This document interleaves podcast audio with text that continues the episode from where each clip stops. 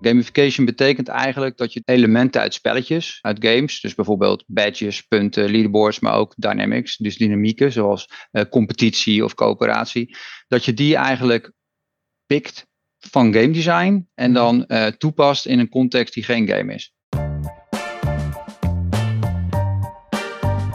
Welkom bij de Slimmer Presteren podcast. Jouw wekelijkse kop koffie met wetenschapsjournalist Jurgen van Tevelen en ik, middle-aged man in Lycra, Gerrit Heikoop. Over sport, onderzoek en innovatie. Voor mensen die hun grenzen willen verleggen, maar daarbij de grens tussen onzin en zinvol niet uit het oog willen verliezen. In deze aflevering praat ik met Jurgen over meer motivatie om te sporten met behulp van gamification. Kudo's, challenges en beloningen. Veel sportapps maken gebruik van elementen uit het gamen. Maar helpen ze ook echt om jou te motiveren bij het sporten? En hoe werkt dat dan? We vragen het onze special guest, expert op het gebied van gamification, Gerben Bakker. Voordat we beginnen, nog even drie dingen om aan te denken als jij zelf ook slimmer wilt presteren. Nummer 1.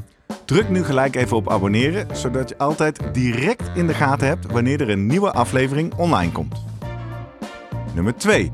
Weet dat je Jurgen en mij ook kunt boeken voor jouw volgende bijeenkomst als spreker of presentator. Neem gerust eens contact met ons op via de contactgegevens hieronder. En 3. Deze podcast wordt geproduceerd en gesponsord door Live Online Events. Serieus goede content rondom jouw congres of event. Check www.loe.tv voor meer info. Jurgen, Hey, goedemorgen. Goedemorgen. Heb je lekker gefietst naar aanleiding van vorige week? Lekker gefietst? Nee, ik ben eh, lekker gaan gamen. Precies. Jij zit natuurlijk op de Zwift te fietsen, Ja, want dat is een soort eh, computerspelletje. en wat denk je? Kudo's gehad. En Ja, ik, eh, veel, eh, een duimpjes. reward ligt klaar voor Ja, me, ga, je, er- dus, ga je er goed op, op Kudo? Ik ga er heerlijk op. Ik had die Oh, ja? motivatie wel even nodig. Waarom ben je zo slordig dan op Strava? Want Ja, eh, oh ja. je kan wel meer Nou, kudos ik heb wel veel volgers erbij gekregen. Dat, Wel hè, eh, ja, sinds wij de laatste tijd communiceren dat je ons daar Ja. mag volgen. Ja. Even voordat wij naar onze gast van vandaag gaan. Waarom sport jij eigenlijk? Dat vraag ik me ook af en toe af. Nee, waarom ik, ik sport, denk ik, terwijl is te weten. Ja, ik, ga, ik voel me daar lekker eh, bij. En ik merk gewoon als ik niet sport, dan word ik een beetje chagrijnig. Eh, ja, dat is één. En dan ten tweede is toch denk ik om mezelf af en toe even uit te dagen. Af en toe een, een doel te ervaar je stellen. wel eens dat het moeilijk is om te gaan? Ja. Oh ja? Zeker, eh weersomstandigheden natuurlijk. Ja? En eh, wat ik ook ervaar is als je een tijdje niet hebt gesport, dan denk je, oh, dan hoef nee, dan stel je het Dan nog hebt langer het uit weg. of zo. Ja, En Eh. wat triggert jou dan om dan toch weer te beginnen? Ga ik even op Strava kijken. Ja, dat, dat vind ik lastig om daarachter te komen. Ja, wat voor mij dan precies eh, nog weer even die, die drempel overwerkt. Dus daar wil ik eigenlijk wel meer van Ja, weten. nou misschien kom je er gaandeweg deze aflevering wel achter. Want wij zijn eh, virtueel bij ons op de koffie. Is Gerben Bakker. Gerben, goedemorgen. Goedemorgen. Goedemorgen. Welkom in de Slimmer Presteren podcast. Leuk om jou hier aan tafel te hebben. Want we kregen een tijdje terug op ons e-mailadres post.slimmerpodcast.nl een hele leuke en uitgebreide mail van jou. Waarin je zei, goh, ik heb wel een eh, suggestie voor een onderwerp. Namelijk motivatie en gamification. Toen stond daar zoveel leuks in die mail dat ik meteen dacht, weet je wat, Gerben, zullen we het er gewoon met jou over hebben? Want ehm, jij bent zelf docent. Je bent Ja. ook onderzoeker aan de Technische Universiteit Delft. Eh, hij hangt hier net, nou net buiten beeld vandaag. Maar achter mij hangt natuurlijk altijd een poster van de TU Delft, want daar heb ik ook nog eens op gezeten. Ehm, en jij hebt mij verteld, jouw droom is om te kijken of je als docent studenten zo gemotiveerd kan laten zijn dat ze zelf eigenaar worden van de stof. En daardoor weet je heel veel over motivatie en gamification. En vandaag gaan we jouw kennis toepassen in de sport. En hij is ook een goede proberen, sporter, hè? Hij, eh, Ja, je wat- bent een hardloper. Ja, wat doe je zelf aan sport, Gerben?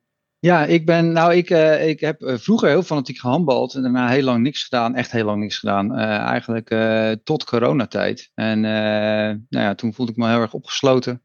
En eh, ben ik eh, begonnen met hardlopen. In eerste instantie eh, rustig naar de vijf toe gelopen. Ehm, ik deed dat allemaal vreselijk verkeerd en ik ging veel te hard. Dus ik, op een gegeven moment liep ik ook tegen mijn plafond op. en toen door een paar collega's eigenlijk ben ik nog meer gaan lopen en ook echt doelen gaan stellen. En nou, inmiddels knal ik er een halve marathon uit en heb ik er heel veel plezier van. Leuk. En ik hoor het al, doelen stellen. En daar dacht je natuurlijk, hé, hey, maar dit heeft te maken met stippen op de horizon motivatie. Ik weet daar veel van. Um, laten we even bij het begin beginnen. Wat is voor jou een aanleiding om eens je te gaan verdiepen, specifiek voor deze aflevering, maar in zijn algemeenheid, in, in, motivatie, uh, in motivatie en gamification daarbij? Ja. Nou, ja, ik ben dus uh, docent natuurkunde op een, op een middelbare school. En uh, nou ja, ik, ik heb dus de hele tijd te maken met het feit dat ik die kinderen graag wil motiveren, enthousiasmeren. Um, maar toch ook, ja, wat, wat je veel ziet is dat als je als docent heel erg uh, uh, sturend blijft en je blijft heel controlerend, dan blijft eigenlijk het leren van, van die leerling blijft jouw verantwoordelijkheid. En ja, ik wil natuurlijk het liefste dat die kinderen eigenlijk zelf belangrijk gaan vinden wat ik belangrijk vind. Dus dat ze het als het ware die waarde overnemen, uh, internaliseren, tot zich nemen en dan vanuit zichzelf gemotiveerd raken. Omdat je dan gewoon veel meer bereikt. En daar ben ik eigenlijk altijd geïnteresseerd in geweest. Um, toen kwam ik uh, zo rond 2013 in aanraking met het begrip gamification. En um, nou, gamification betekent eigenlijk dat je dus elementen uit spelletjes, uh, uit games, dus bijvoorbeeld badges, punten, leaderboards, maar ook dynamics, dus dynamieken zoals uh, competitie of coöperatie, dat je die eigenlijk pikt van game design en dan toepast in een context die geen game is. Oh ja. Dat is eigenlijk wat gamification is. En daarnaast heb je ook de, de manier van ontwerpen als docent zijn we heel erg eh, gericht op zeg maar, leerdoelen. Hè. We willen onze leerdoelen aftikken en dan hebben we ons werk gedaan. Alleen voor kinderen, als, als ik alleen maar focus op ik wil deze drie dingen overdragen en ik denk helemaal niet na over wat voor ervaring die kinderen geeft, dan is het voor kinderen vaak een hele saaie, vervelende les. En dan raken die hartstikke gedemotiveerd. En een game designer die begint eigenlijk met, oké, wat voor ervaring wil ik nou eigenlijk creëren voor mijn speler? En vanuit die ervaring gaan ze dan dingen maken. Dus het is veel meer om, om, de, om de gebruiker heen bedacht dan eigenlijk onderwijs van nature is. Ja, en, en heel eh, cynisch, toch? Een, een game maken van een gratis spelletje wil ook iemand gewoon zo lang mogelijk aan de gang houden, toch? Want dan komen er zoveel mogelijk advertenties voorbij. En ik zeg cynisch, maar in, als we dat gaan toepassen op sport, is dat natuurlijk heel interessant. Want wij, wij ambiëren ook om mensen, onder andere met onze podcast en met onze uilentorenloop, van de bank af te krijgen. En het liefst niet voor één keer, maar zo lang mogelijk. Dat is ook een element, toch, denk ik? Jazeker. Ja, en wat dus een interessant verschil is tussen uh, zeg maar game design en, en, en uh, onderwijs. En ik denk trouwens ook dat dat voor veel uh, nou ja, coaches en trainers geldt. Is dat, ehm, kijk, in het, in het onderwijs moeten die kinderen daar zitten. Hè? Die moeten bij mij in de les zitten. en de, dus die context is heel anders dan wanneer kinderen vrijwillig op een telefoon een spelletje aanzetten. Dus heel vaak is er dan in eerste instantie de neiging van ja, maar hè, die game designers hebben het ook hartstikke makkelijk. Maar als je dat omdraait, is het aanbod van games zo verschrikkelijk groot. Ja. Dat als een speler op enig moment denkt, niet zo leuk meer, dan gaat hij wat anders spelen en dan komt hij gewoon nooit meer terug. Omdat er zo verschrikkelijk veel aanbod is. Dus onder die enorme concurrentiedruk van de afgelopen twintig jaar um, hebben die game designers dus allerlei inzichten en allerlei tools ontwikkeld om, uh, om zeg maar, mensen uh, zeg maar, überhaupt te laten beginnen met interactie aangaan met hun systeem. Uh, in jullie geval met, dan met de podcast, via de socials enzovoort. Maar ze hebben dus ook heel erg allemaal tools ontwikkeld om ze dan vervolgens ook aan de gang te houden. En, en bijvoorbeeld wat een heel belangrijk element is in game design is community building. Dus je ziet nu dat alle grote games doen heel veel aan, stoppen ook heel veel geld bijvoorbeeld in streamers en in, uh, in, in fora om te zorgen dat er een community ontstaat. Omdat dat heel erg motiverend is en mensen dan interacties blijft laten aangaan met jou met jouw ding, met jouw eh, product. Ja, boeiend. Dus we gaan in deze aflevering op zoek naar het verschil tussen externe en intrinsieke motivatie. En waarbij je zelf ook al schreef, ja, intrinsiek wordt een soort van als de heilige graal gezien. Maar is externe motivatie, waar ik me wel eens over uitgelaten heb, dat ik daar erg gevoelig voor ben. Is dat dan alleen maar slecht? Of hoe gebruik je dat in je voordeel? We gaan op zoek uh, naar die vraag, wat nou als je even geen zin hebt om te trainen? Of als je bent stilgevallen, hoe kom je dan weer aan de gang? En uh, hoe maken we het, uh, hoe houden we het leuk? Hoe maken we het leuk? Hoe houden we het leuk? En hoe houden we stress buiten de deur? Dat zijn een beetje de drie hoofdvragen die we willen gaan ja, beantwoorden. En, natuurlijk, omdat games, uh, het, ja, de beweegarmoede in, in, in Nederland, in, in, in veel landen, wordt toch ook altijd een beetje een negatief beeld ge- geplakt. En, en terecht misschien. eh, op, op, het, ja, eh, op games, hè. Dat kinderen te veel achter... Alleen eh, maar zitten te gamen. en hi- hier ga je, krijg ik het idee dat jij het probeert om te draaien. Hey, maar we kunnen games misschien ook wel positief inzetten om kinderen juist aan het sporten te krijgen. En je, hebt daar natuurlijk al hele goede voorbeelden Ja. van. Hè? Als je bijvoorbeeld kijkt naar Pokémon Go. Ja. eh, dat is echt dat, nou ja, dat is een heel mooi voorbeeld van een game die mensen dus de straat op laat Ja. gaan en laat rondlopen. Hè? Je moet om dan fysiek beestjes van te naar verzamelen. Ja. Ja, je moet dan beestjes verzamelen. Je hebt dus plekken waar die beestjes zitten. Je, eh, om die beesten te vangen heb je, eh, heb je ballen nodig, pokeballen. En die ballen die moet je verzamelen door van naar verschillende nou ja, geografische locaties te lopen. En dan daar iets te doen kun je die ballen verzamelen. Dus men, worden kinderen en, en volwassenen trouwens ook gestimuleerd. Dan loop je bij mij door het dorp hele menigte soms rond. Is het nog steeds gaande? Ja, zeker Ja, weten. bestaat, Ja. want mijn, mijn zoon, maar ja, die is inmiddels Die ook al ouder. eh, 21, die heeft het eh, een paar jaar geleden, eh, deed hij het wel, maar die is dus meer mee gestopt, hè, heb je het al. Dat is een goed voorbeeld. Eh, jij gaf al een, eh, de, de Zombies Run eh, Ja. door. Die heb ik inderdaad even gedownload en even, Oh, even gebruikt toen, weliswaar toen ik met de hond ging wandelen. Wat is dat? Ja, nou heel grappig. Eh, nou, je zet hem aan en eh, je, je komt in de wereld waarin je uit moet kijken voor eh, de zombies Ja. die op de hielen zitten. En dan krijg je eigenlijk ja, ehm, opdrachten. En nou ja, ik heb het denk ik tien minuten gedaan. Je hebt een bepaalde route en op een gegeven moment moet je gaan rennen, want de zombies komen. Je krijgt dingen aangereikt die je kunt pakken of zoeken of noem maar op. En ehm, ja, kijk, bij mij is het dan, ik, eh, ik, ik vind het leuk voor één keer om te kijken wat is het precies. Ik zie mezelf nog niet mee hardlopen. Maar ik, ja, ik vond het ook een, eh, een heel leuk voorbeeld. En dit is echt een... Voelde jij wat? Jij liep met je telefoon met je hond in het bos en je zag op je telefoon Ik had hem gewoon op mijn oortjes eigenlijk. Dus Oké, en die nou liep zombie achter je. Ja, let op, run! Nou, En, voelde je toen ja, iets zeker. gebeuren? Van, eh, want het is natuurlijk eh, ook op, ge- op geluid afgaan, denk je, jezus, ik moet, eh, ik moet gaan rennen. Nou, Ja, je hoort rennen. die zombies ook achter je zo, brrr, Ja. zo aankomen. Ja, En als je dan nee. wegrent, dan moet het geluid echt- zachter worden of zo. Ja, ja, dus het- ik vond het best wel. eh, alleen ik vraag me af, hoe, ja, dit, dit is meer dan Pokémon. Bij Pokémon heb ik het idee, ja, dan ga je eh, of fietsen of gaat op zoek naar. Dit is echt meer ook op rennen gerend, eh, ge- gericht. Ja, zeg het is maar. echt een, een running app. Ja. Eh, hoeveel gebruikers inmiddels? En eh, eh, ja, hè, het- zijn daar wat resultaten over bekend? Op, op welke manier zij inderdaad ja, mensen in beweging hebben gebracht? Weet jij dat? Nee, dat weet ik niet. Ik zit natuurlijk toch meer in die onderwijs, Ja. onderwijskant. Ja. Maar wat ik wel aardig vind om, om op te merken is dat, ehm, eh, dat in dus veel van dit soort toepassingen zit vrij veel extrinsieke motivatie in. Ja. Extrinsieke drives. Eh, misschien is het wel handig om als ik Laten dat we naar verschil die basis eens beginnen. Intrinsiek, ja. extrinsiek. Ja, dus eh, het, het, de begrip intrinsiek en extrinsiek komen uit de zelfdeterminatietheorie van, van Ryan en Daisy. Volgens mij doen we ook links naar boeken van, Ja. van de man in, Ja. de, in de show notes. En zij maken eigenlijk onderscheid dus tussen intrinsieke motivatie en extrinsieke. En intrinsieke motivatie betekent eigenlijk dat je iets doet omdat die handeling jou voldoening geeft, omdat je dat tof vindt, omdat je dat leuk vindt. En dat betekent eigenlijk dat om dingen te doen die jij intrinsiek leuk vindt, hoef jij bijna niet gemotiveerd te worden, want die komt vanuit jouzelf. Je wil dat. Ja. Je wil dat, je vindt dat mooi, je voelt je daar lekker bij, je voelt je daar fijn van. Dan heb je extrinsieke motivatie en dan doe je iets om een doel te bereiken wat eigenlijk helemaal los staat van de activiteit zelf. Dus bijvoorbeeld, ik wil eh, eh, sporten om af te vallen. Daar is natuurlijk wel een link tussen, alleen dat afvallen is eigenlijk heel ver weg. En dat, dat jij op dit moment door de stromende regen heen aan het hardlopen bent, dat voelt dan niet heel erg, dat, nou ja, het staat eigenlijk los van, van dat doel. En in het onderwijs is bijvoorbeeld een leerling die goede cijfers wil halen om ingelood te worden bij geneeskunde. Dat hij nu de wetten van Newton aan het leren is, ja, dat heeft eigenlijk niks met geneeskunde te maken, wat, wat veel Ja. verder weg is. Ja. En bij die extrinsieke motivatie, daar heb je dan ook wel vier weer gradaties in. Hè? Dus je, als, als ik tegen, tegen een leerling bijvoorbeeld zeg, als je nu niet doet wat ik zeg, dan stuur ik je eruit. En ik vraag dan aan die leerling, waarom ben je nou, waarom ben je nu eh som aan het maken? Zeg, anders stuur jij me eruit. Dus ze wijzen dan naar mij, naar buiten. Dus de Ja, oorzaak dus dan van ben jij de motivatie. dan ben ik de motivatie. En als ik ook even de klas uit ga, stop dat meteen. Want dan is de motivatie weg, letterlijk. En, eh, eh, maar je hebt ook meer, ja, zeg maar, ik, ik moet mij even een beetje verwarren, maar meer intrinsieke vormen van extrinsieke motivatie.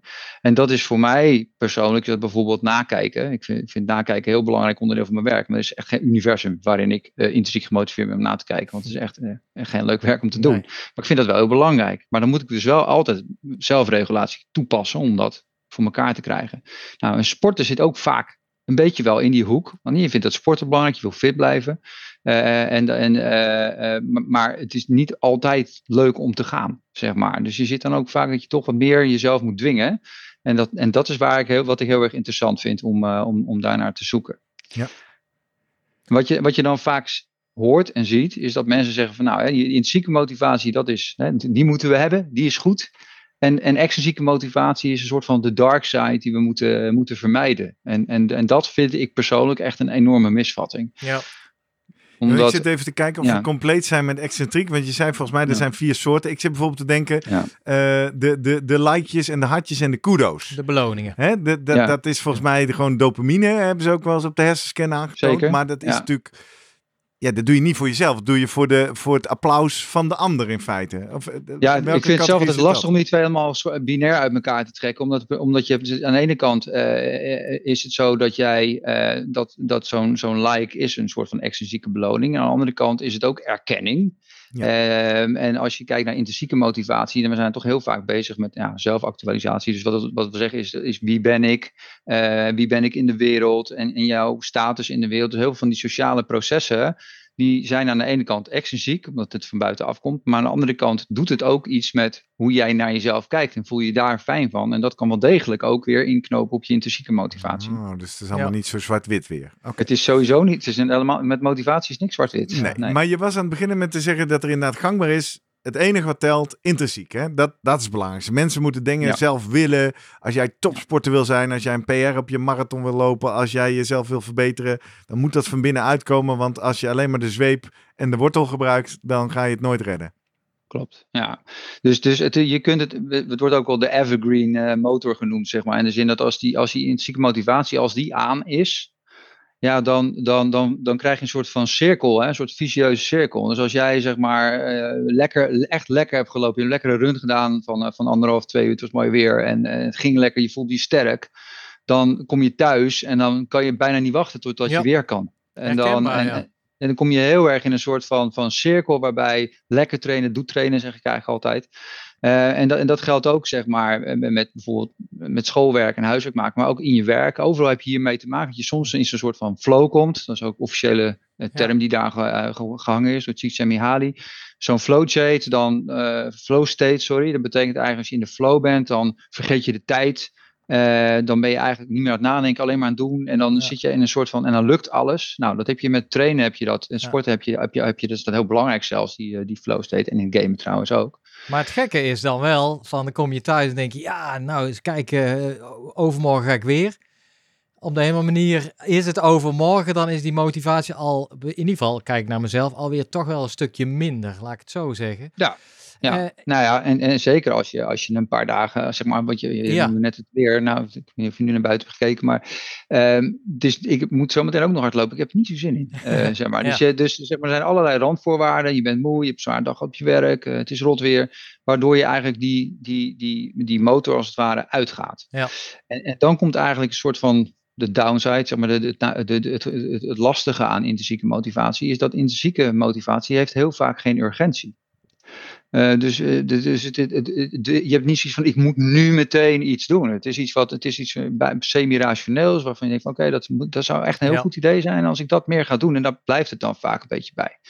Terwijl als je dan kijkt naar extrinsieke motivatie, dus belonen en straffen, dat, dat creëert eigenlijk altijd meteen een gevoel van urgentie. Je kijkt op Strava en je bent al drie dagen niet bezig hardlopen en je ziet dat die, die, die, die specifieke maat van jou, ja, die heeft die twee trainingen van de drie al gedaan. En, en jij moest ze nog ja. doen. Ja dan, dan, dan, dan voel je een soort van, oh, maar ik heb nog maar een paar, ik moet, ik moet gewoon nu naar buiten. En dat helpt je dan op dat moment om ook daadwerkelijk naar buiten te gaan. Omdat dat wel urgentie heeft. Dus dan in, in, dat, in dat geval extrinsieke motivatie kan best wel, uh, ja, uh, die, die kun je gebruiken. Uh, ja, ik zou bijna zeggen dat die onmisbaar is. Die is onmisbaar, ja. Anders ga, je, anders ga je gewoon niet, of, of pas volgende week, ja. zeg maar. Dus je kunt het eigenlijk vergelijken, dat vind ik zelf een mooie beeldspraak, met de startmotor. He, dus je hebt, zeg maar, als jij in de auto stapt en je draait de contactsleutel om, dan hoor je eerst dat gillende geluid van die startmotor. Best wel onprettig geluid. Nou, ja. Extrinsieke motivatie is vaak ook best wel onprettig, omdat je je gedwongen voelt. En op een gegeven moment dan springt die motor aan, boom, dan begint hij te draaien. Als jij dan die sleutel vasthoudt, ik weet niet of je dat wel eens hebt geprobeerd, maar dat is een heel onprettig geluid. Ja. Je wil hem eigenlijk zo snel mogelijk loslaten en gewoon die motor zelf laten draaien. Nou, volgens mij is dat precies de truc die je als je anderen wil motiveren, maar ook als je jezelf wil motiveren, dan is dat eigenlijk wat je moet proberen te doen. Dat op het moment dat die motor uitvalt, dat je dan een startmotor gebruikt. Dus dat je dan zoekt naar die extrinsieke motivators voor jou die voor jou werken. Maar dat zodra je zeg maar het contact loslaat, of zodra die loopt, sorry, dat je dan stopt met dat opzoeken. Ja. Ja. Dus dan, Mooi je beeld. noemt het al, hè? een kudo of je kijkt op Strava of noem maar Ja, op. dat is wel mooi. Ja. beeld van de startmotor en de motor, intrinsiek, eh, extrinsiek. Nu zit ik inderdaad te zoeken, oké, hoe, hoe maken we dit concreet? En dan ook even terug, jij weet veel van game design. Precies, Jij noemde ja. wat elementen. Wat zijn nou voorbeelden van, van gaming elementen die je kan organiseren om jezelf uit zo'n dip te motiveren? Heb je daar leuke ideeën bij? Ja, en, maar dan moet ik wel even, dus dan bedoel je op het moment dat die motor uitgevallen is. Toch? Ja, daar Heb hebben we het nu over. Dat, dat is wat we kunnen leren, ja. toch? Ja. Ja, nou ja, wat ik zelf altijd merk is, eh, is dat eh, ik heb zeg maar een eh, vriend van mij die stuurt mij altijd trainingen toe. Eén keer per week krijg ik van hem zijn trainingsschema en dat pas ik dan aan aan mezelf. Ehm, ik merk bij mezelf dat als mijn motor uit is, dan kijk ik niet meer op Strava. Oh ja, En nou, dat ik. Dat hoor je bij veel meer mensen. Ja. Had ik ook Nou, bij de een van de blessure, dingen die wil ik je dus- niet zien die- wat je mist, toch? Ja, precies. Ja, exact, exact. Nou, een van de dingen die ik dus, eh, die ik dus soms doe, is om juist dan te- dat op te merken. En ik, hé, wacht even, ik, eh, ik moet eigenlijk weer gaan lopen. Ik, ik, ik vind dat lastig. Dus even op Strava kijken van, oké, wat, heeft, eh, wat heeft Stijn deze week al gedaan? Wat heeft Arjen deze week al gedaan? En dan op die manier dan denk ik van, oh, oh, zij hebben de training wel. En dat helpt mij dan om zeg maar die knop om te zetten. En eh, jij, jij hebt wel een keer genoemd dat eh, jij traint natuurlijk met, eh, met, met Guido. Ja. En, ehm, en dan geef je, heb je ook wel eens gezegd dat, dat jij Guido eigenlijk een beetje ziet als. het feit dat hij die training voor jou klaar zet, dat dwingt jou ook een soort van om te Zeker. gaan, toch? Ja. Enorm. En, Dus en maar, dan- maar daar heb ik altijd als heel slecht. Nou, slecht. Als je nou over intrinsiek o- intern oordelen hebt. Ik twijfel dan, heb ik wel de goede motivatie? Want ik voel dat een van mijn mo- motivaties echt wel is Guido Vroemen niet teleurstellen. Slash aan de voorwaarden voldoen om in zijn programma te blijven. Want hij zegt altijd, ja, ik werk alleen met atleten die het beste uit zichzelf willen halen, die er echt wel voor gaan. En dat heb ik zeker ook in de, in de route naar Rotterdam wel gevoeld. Dat ik denk, holy plaf man, dit is echt wel heel intensief. Misschien wil ik wel gewoon een tandje recreatieve trainen. Ja, Dan heb ik wel een vraagje. Want als jij dan zeg je zit thuis, Ja. moe, eh, rot weer, weet ik wat. Je, je hebt eigenlijk geen zin. Je denkt aan, aan Guido. Je, je stapt op de fiets of je trekt je hardloopschoenen aan. En je bent dan buiten. Denk Ja. jij dan nog steeds aan Guido? nee, dat denk ik. Nee. Ja, nee. ja, jij denkt altijd aan Nee, ik Guido. denk altijd aan Guido. Ja, we hebben Guido tegenwoordig in de soundboard zitten. Nee, maar ehm, nee, nou, nee. De, de nuance ligt inderdaad op één niveau daarboven. Hè? Dus de, de, eh, Guido is in die zin motiverend in het proces. Dus dat je inderdaad wil... Ik wil in het programma blijven en eh, eh, ik wil dat ook zelf. Maar het is wel een soort stokje achter de deur dat ik denk, ja, hij zit dat niet voor niks klaar te zetten. Eh, en, en ik heb dat hier wel eens in de podcast verteld, toch? Ik had een paar keer, toen ik het heel druk had, heb ik zelf wat trainingen overgeslagen. Toen heeft hij dat ook een soort van wel laten blijken. Dat je, ja, als je heel veel trainingen gaat overslaan, dan sla ik wel wat trainingen vast over, toch, weet je hè? wel? Je moet deze door. Ja, ja, precies. Daar is Guido. Daar Ja. Nee, dus en inderdaad, onderweg ben ik gewoon be- zelf één. Ben ik inderdaad gewoon lekker aan het sporten. Want dat is het ook. Hè, wat je zegt, als je eenmaal buiten bent. Ja, of het nou regent of niet, dan ben je binnen een paar minuten Ja. nat en dan maakt het ook niet meer uit. Dus dan ben ik gewoon in die sportbeleving bezig. Ik heb wel één, één anekdote, moet ik aan denken, dat hij toch wel heel dichtbij was.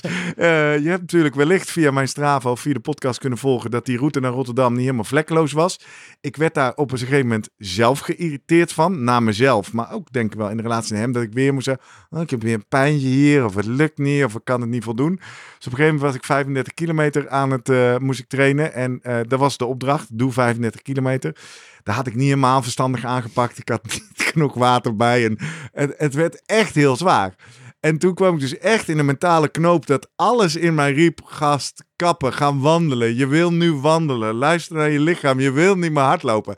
En ik moet zeggen, toen zat er ook echt wel in mijn hoofd: nee, want dan moet ik dadelijk weer in die, in die training notes aan Guido Ja. uitleggen waarom ik er weer niet aan voldaan heb. En dat gaf mij toen wel de kracht om te zeggen: hup, niet mouwen, doorlopen tot die 35 kilometer vol zijn. Ja. Wat je dus zou kunnen zeggen is dat, dat eh, als, als, als ik je zo beluister, is dus je hebt die, die motor eh, aangekregen, je bent gaan lopen. Hè, als je dit specifieke, deze anekdote pakt. Ja. En je ziet dan dus dat je, eh, nou, doordat je het fysiek zwaar hebt gekregen, dat je op een gegeven moment dat die motor eigenlijk hapert. En dat eigenlijk Zeker. die motivatiemotor eigenlijk hapert. Zeker. En eigenlijk pak jij dan dus automatisch weer het contactslot. En, en, en pak je die startmotor erbij. Dus volgens mij is- kies je er dan eigenlijk onbewust voor. Merk je eigenlijk op van hé, mijn motor hapert. Ja. Ik pak iets extrinsieks erbij. En wat tof is, is dat mijn ervaring is dat als je dit, als je dit weet van jezelf en herkent van jezelf, dan, dan kun je dit ook bewust doen. En dan kun je ook bijvoorbeeld in het kiezen van je startmotoren, eh, kun, je, kun je meer in de breedte gaan zoeken van hoe doen andere mensen dat. En kun je dingen zoeken die bij jou passen. Eh, voor mij geldt heel erg dat, dat, dat het feit dat die, die, die vriend van mij die schema stuurt, helpt mij heel erg om te, om te blijven lopen. Ik merk dat ik het heel zwaar heb als hij een keer een paar weken druk heeft, weet ik wat, waardoor ik die schema's niet krijg en ik het zelf moet organiseren. Dat is voor mij een enorm probleem eigenlijk. Want dan, dan loop ik echt veel minder makkelijk. En dus, maar eigenlijk zeg je ook eh, je aansluiten bij een, een clubje met, met vaste trainingstijden. Waar, eh, met, met eigen appgroepje, waarbij als je een keer niet komt, een appje krijgt van hé, hey, waar was je? Of, eh, of nog even een herinnering vanavond, Ja. is het weer training? Dat is een leuk voorbeeld wat je inderdaad zegt. Wij met de, de, de maandagavond eh, middenzwembaan. Ja. Zijn natuurlijk nu ook een soort clubpie. En ik permitteerde me gewoon om niet te komen. Kreeg ik opeens allemaal appjes. Ja, ja. Hoezo heb je je niet Ja. afgemeld? Ja. En de grap Gaat is, ik weet je? zeker dat ik al minimaal twee keer wel ben gegaan, terwijl het me ook uit was gekomen om niet te gaan. Ja. Door inderdaad die Ja. sociale druk. En wat ik fijn vind wat je nu zegt eigenlijk, eh, Gerben, want ik, ik dacht toch enigszins negatief over deze drijfveren. Want diezelfde Guido Vroemer zegt altijd, je loopt niet voor mij hè, je Ja. moet het voor jezelf doen. Maar dus de balans tussen die, die, die externe prikkels in je voordeel gebruiken, dat is eigenlijk wat je zegt. Ja, absoluut. Ja. Sterker nog, ik, een van de redenen dat ik jullie mailde was omdat, omdat ik dit heel erg bij hoorde. Die, hè, die soort van die, eh, dat veroordelende over die extensieke draai. Het is niet goed als ik dat, als ik dat gebruik. En dat, dat zie je dus op heel veel plaatsen ook. Bijvoorbeeld in het onderwijs zie je dat. zie je die discussie heel vaak. Eh, waarbij dan heel vaak ook nog hè, wordt gezegd van ja, we kunnen beter niet straffen gebruiken, maar we kunnen beter belonen gebruiken. Terwijl belonen en straffen hebben eigenlijk exact hetzelfde effect psychologisch. Want op het moment dat jij beloningen gaat uitdelen, dan is de straf eigenlijk, ik krijg die beloning niet als ik het niet doe. Dus, Ja. dus, dus straf en belonen zijn eigenlijk in dat, in dat opzicht eh, de- ja, twee kanten van precies dezelfde medaille. Mooi. Ik vind het wel interessant, die, eh, toch even die zelfdeterminatie eh, Theorie? theorie. Ja, want ik zei Want tegen zijn- je mag wel in de podcast komen, moet je wel wetenschap meenemen. Ja, maar, ja, drie elementen hè, horen daarbij.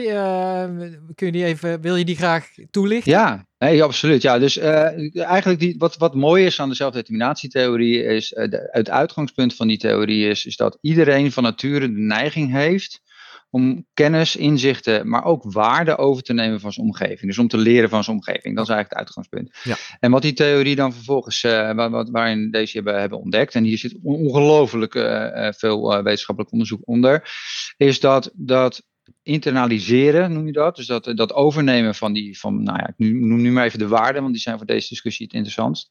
Dat, dat kan eigenlijk alleen maar als aan drie ja, psychologische behoeften wordt voldaan. Vier, drie basisbehoeften. En die hoor je in het onderwijs ook heel vaak voorbij komen.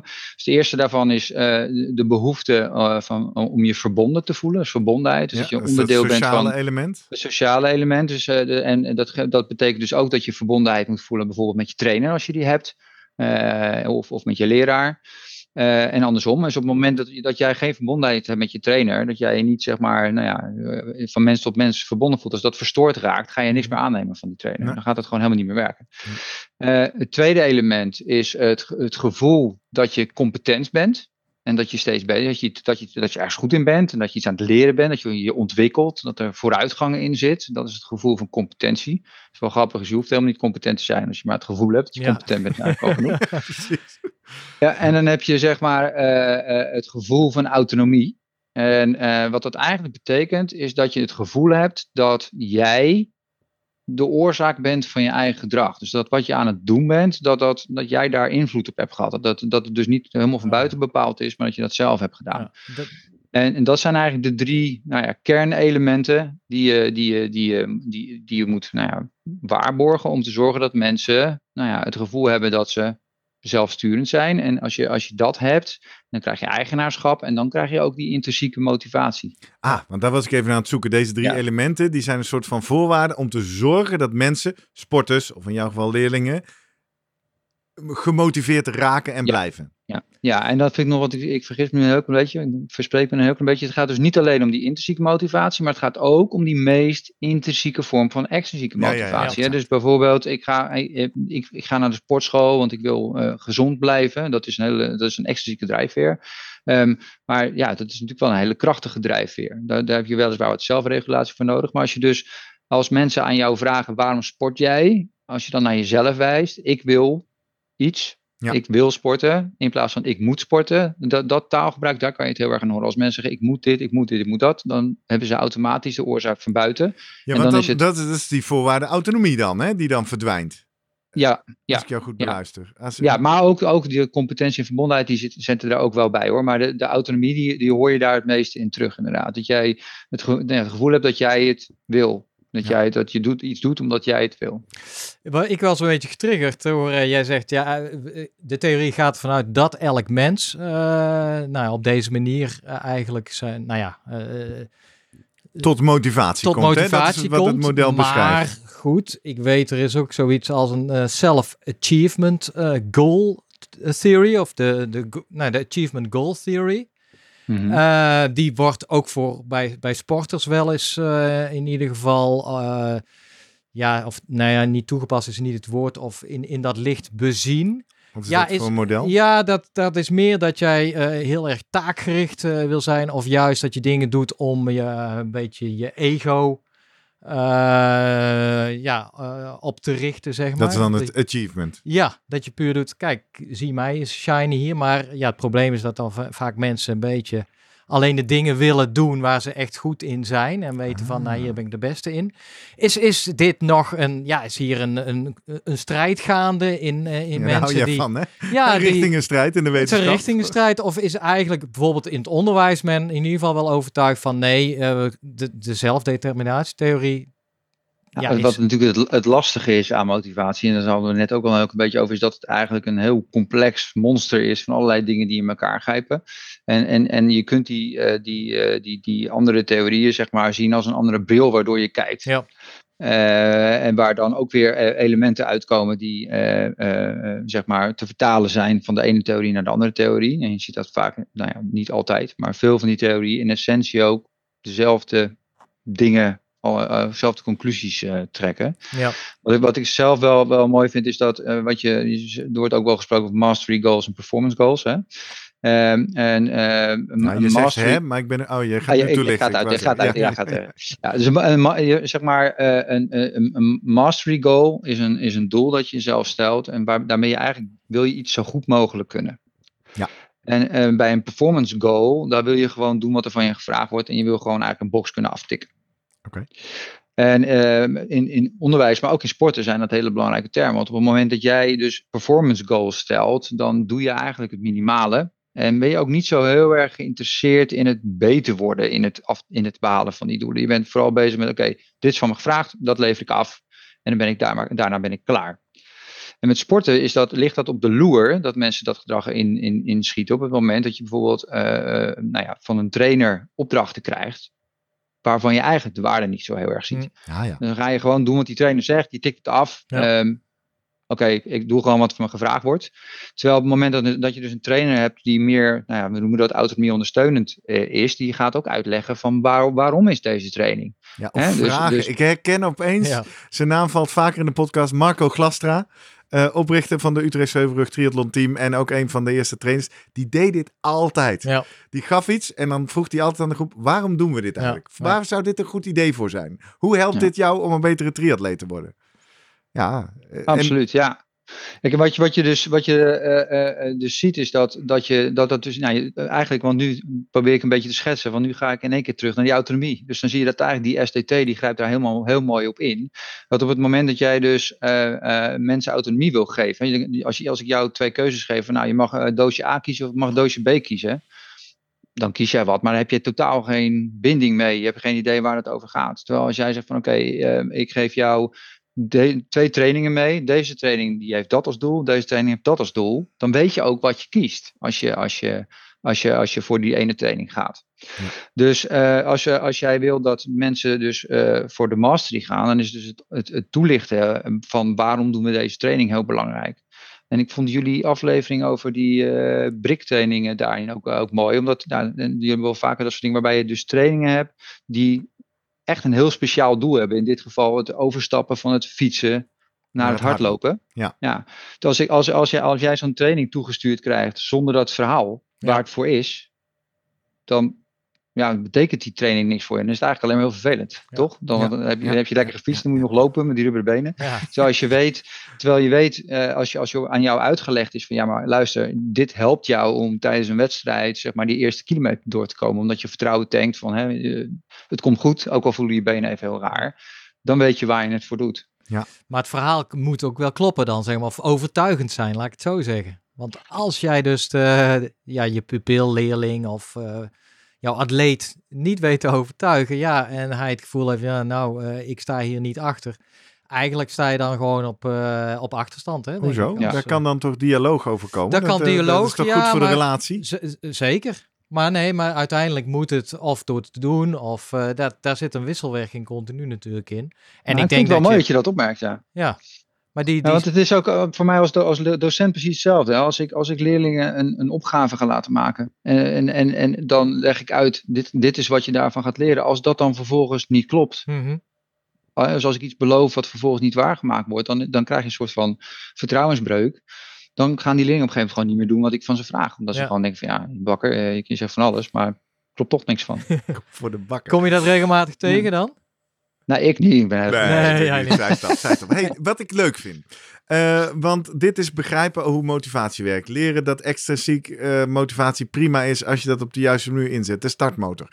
Um, een van de dingen die ik ook interessant vind is, wij zitten hier waarschijnlijk, en dan bedoel ik niet alleen jij, Gerben, Jurgen en ik, maar wij, met al die luisteraars die de Slimmer Presteren podcast luisteren, kans is groot dat jij luisteraar al sportief bent.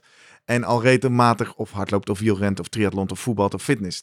Terwijl volgens mij ligt er een kans, en Jurgen, daar heb jij het ook wel eens over beweegarmoede onder kinderen, uh, volwassenen die uh, steeds, uh, nou, dikker wil ik zeg maar, obesitas, ja. volksziekte nummer één. Dus ik merk dat ik zelf ook nou, ik, ik heb ook natuurlijk een enorme transformatie gemaakt. Nog geen zes, zeven jaar geleden stond ik meer in de kroeg dan in mijn hardloopschoenen. Sterker nog, ik haatte hardlopen en ik, ik moest er niks van hebben. En kijk me nou eens, zes marathons verder, triathlon weet ik veel. Dus ik ben ook wel op zoek naar wat, heb, wat heeft het bij mij gedaan en hoe kan ik dit aan anderen geven. En ik zou het leuk vinden om met elkaar te verkennen hoe, hoe wij drieën en onze luisteraars nou jouw kennis over gamification kunnen toepassen om ook mensen om ons heen mee te slepen in die sportieve reis. Hoe, ja, hoe het voor mij werkte, voor mij was een evenement. Hè? Vijf kilometer funrun, dat collega's tegen mij zeiden, kom, we gaan het doen. En ik zei, rot op, ik haat hardlopen. En zeiden, oh, je krijgt een gratis t-shirt en we gaan samen. Nou, vooruit, ging ik een keer meedoen, ging aardig. Dat was hem nog niet. Het was, dat evenement was twee keer per jaar. En toen dacht ik na drie maanden, oh kak, ik ga zo drie maanden weer zeuren. Ik zal eens gaan trainen. En toen ging het balletje rollen is een van de motieven waarom ik de Uilentorenloop in Leersen ben gaan organiseren. Want ik wil mensen deze kans geven. Terug naar jou, Gerben. Hoe kunnen wij met z'n allen nou gamification elementen gebruiken om mensen om ons heen mee te nemen in deze sportieve reizen die we allemaal individueel maken? Ik vind dat een hele lastige vraag. En waar, waarom stel ik hem jou ook. Ja, ja, dat is goed. Dat is mooi. Dat is mooi, dat is mooi. Nee, dit, wat, wat namelijk eh, problematische is, is dat zeg maar, beginnen, beginnen met sporten, dus vanuit niks, zeg maar, mensen laten beginnen met sporten, dat is eigenlijk de allergrootste uitdaging. Zeker als ze er een uh, hekel aan hebben. Ja, ja, nou ja, ze, ja. Als, en ze hebben natuurlijk een hekel aan omdat bijvoorbeeld het element competentie in ieder geval qua inschatten, het gevoel van competentie ontbreekt. Dat zal. Uh, nou, wat ik heel raar vind als je gaat hardlopen, is, en dat deed ik dus in het begin, dat vertelde ik aan het begin ook, deed ik eigenlijk hartstikke verkeerd. Ik ging gewoon vol bak. Gewoon ja, bam. Herken ik ook, elke, elke keer. ja. ja, en, maar, en, en, op een gegeven moment loop je dan tegen een plafond aan, wordt het ontzettend frustrerend, want je wordt gewoon niet beter. En, en toen op een gegeven moment, toen ik met wat collega's dus ging lopen die heel veel lopen. Ik heb een collega die loopt ieder jaar het jaartal aan kilometers, vind ik altijd wel mooi streven. um, maar, die, maar zeg maar dan, dan die, wat, dan, toen zij vertelde mij van je moet juist heel rustig gaan lopen. En, en wat ik daar raar, raar vond, is dat ik in het begin thuis kwam en ik dacht, ik heb nu niks gedaan. Nee. En dat ik eigenlijk een beetje een soort van zagrijnig was. Van, joh, ik heb, ik heb niks gedaan. Maar dat sloeg heel snel, sloeg dat om. Dus wat ik, wat ik dus nodig had in mijn geval, is eigenlijk iemand die er een beetje verstand van had, die nou ja, wat voorlichting deed. Nee, je moet, je, geloof nou, je moet rustig lopen en daar word je dan beter van. Ehm, ik vind jouw voorbeeld van, van zo'n evenement organiseren en mensen meenemen. Ik heb dat zelf in mijn gezin. Jij vertelde dat je met je dochter ging lopen. Uh, het was volgens mij in coronatijd. Zeker, dagelijks. Uh, ja, en toen uh, dacht ik ook van, oh, ik uh, ga eens kijken of die kinderen van mij dat ook leuk vinden. En toen heb ik ze ook ingeschreven voor een, uh, voor een, een, loopje hier in, in Pijnakker. En toen heeft mijn tienjarige dochter de, voor de eerste keer vijf kilometer gerend. En nou, hartstikke mooi. Dus uh, dat, dat onboorden, noem je dat, dus die beginfase, begint met, met dat je zichtbaar bent voor mensen. En dat is de grootste uitdaging. Dus mensen die niet sporten, die luisteren niet naar de Slimmer Presteren podcast waarschijnlijk. Nee. Uh, die, die, uh, die, die kijken niet naar de YouTube filmpjes die over sporten gaan en wat fijn is aan sporten. Dus dat, dat beginnen van die mensen is eigenlijk het lastigste. Maar die kennen en, ons, en dan bedoel ik met ons weer even alle luisteraars en ons drieën, misschien wel. Ja, nou ja, wat ik dus zelf heel erg gemerkt heb bij mij thuis, is dat ik was aan het lopen en ik werd daar ongelooflijk enthousiast van en ook, nou, ook steeds fanatieker. En eigenlijk was ik verslagen verrast dat ineens mijn vrouw tegen mij zei, joh, ik wil dat lopen ook wel eens proberen. Hmm.